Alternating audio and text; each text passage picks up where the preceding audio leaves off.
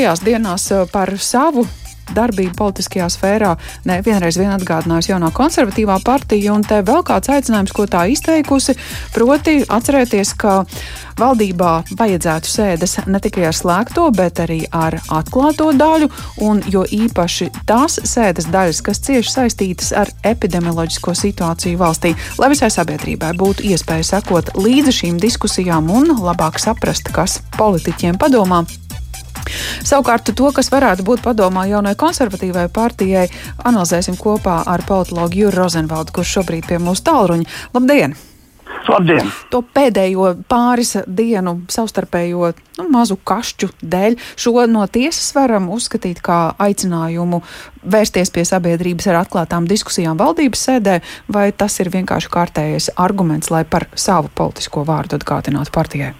Es domāju, ka drīzāk pēdējais, un nu, tas ir mēģinājums profilēties un parādīt, ka nu, viens otrs politiskais spēks ir tas, tas īstais cīnītājs par tautas interesēm. Respektīvi, tas ir mēģinājums jau eh, nu, teikt, pirms pašvaldību vēlēšanām, bet vēl vairāk jau gandrīz divus gadus pirms saimnes vēlēšanām uzsākt kaut ko līdzīgu priekšvēlēšanu kampaņai.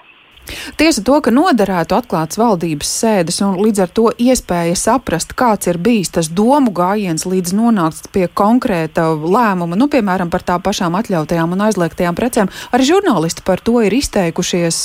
Nu, Protams, ir diezgan garas preses konferences ar iespēju uzdot jautājumu šobrīd arī katram paliekot savās mājās, bet nu, tomēr, ja šīs diskusijas būtu redzamas, kā jums šķiet, par ko tas uh, varētu izvērsties un kopumā liecināt par valdību? Tas uh, nozīmē, ka nu, tajā brīdī visu diskusiju aizkulises jau atkal pazustu citur, vai mēs tomēr redzētu tādas stingrākas sarunas?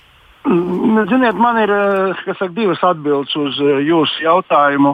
Pirmais jautājums mums vajag pašiem uh, definēt, kāda ir galvenā problēma pašreiz. Problēma, problēma saistās ar komunikāciju, protams.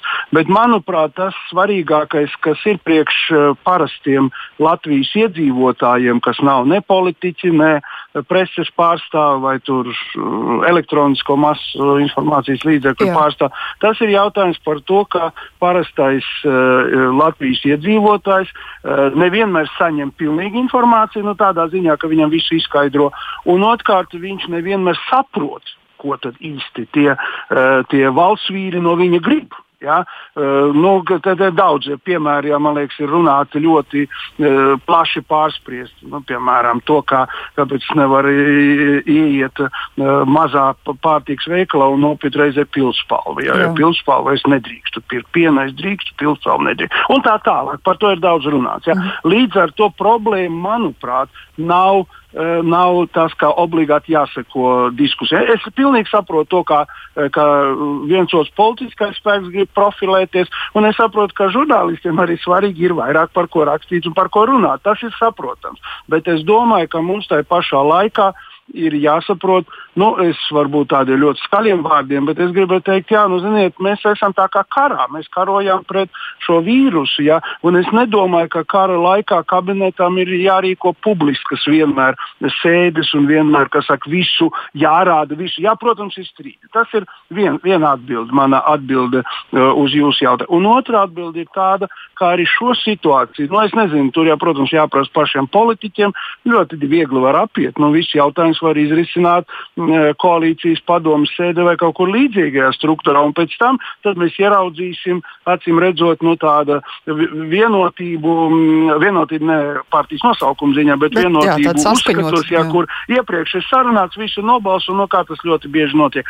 Es domāju, ka patiešām tā galvenā problēma ir skaidri pamatoti lēmumi un skaidra komunikācija uz sabiedrību, lai sabiedrība saprot, kāpēc ir tā. Es domāju, ka sabiedrība kopumā cenšas mm -hmm. saprast, ja, un to vajadzētu turpināt. Bet rīkot šeit, nu, kā teiksim, tā pati jaunā konservatīvā partija, kurai nu, raksturīgi tādi, e, saka, uz sabiedrību vērsti gājieni, ja, ka mēs esam ticīgāki par, par saka, citiem. Ja.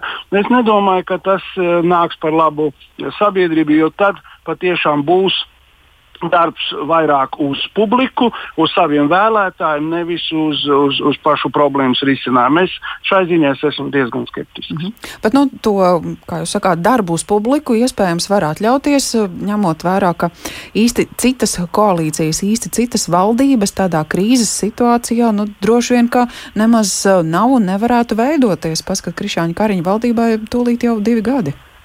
Uh, nu, jā, bet, bet problēmas, nu, pirmkārt, mēs visi atceramies, kādā, kā, cik grūti uh, valdība veidojās. Jā.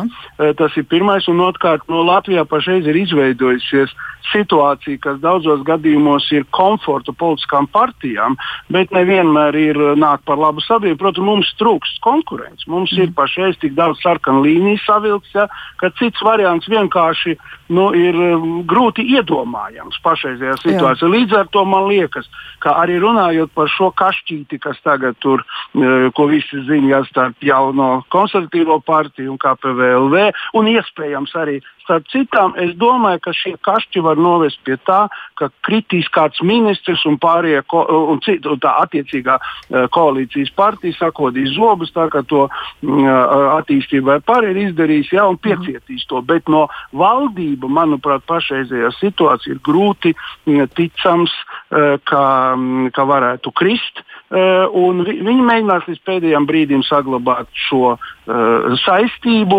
Nu, un, protams, arī mums visiem. Nu, es nedomāju, ka mēs vēl gribētu tagad uh, pan, uh, pandēmijas, kas saka, pašā karstumā, jā, nodarboties, vērot to, kā, kā viņi dalīs vietas, jā, vai kā citas kombinācijas vai kaut kas tam līdzīgs. Jā, patiesi ir svarīgāka darba gan sabiedrībai, gan jā. arī valdībai veicam. Paldies par šo komentāru, saku politologam Jurim Rozenvaldam. Runājām par koalīcijas politiķu dažādām ierosmēm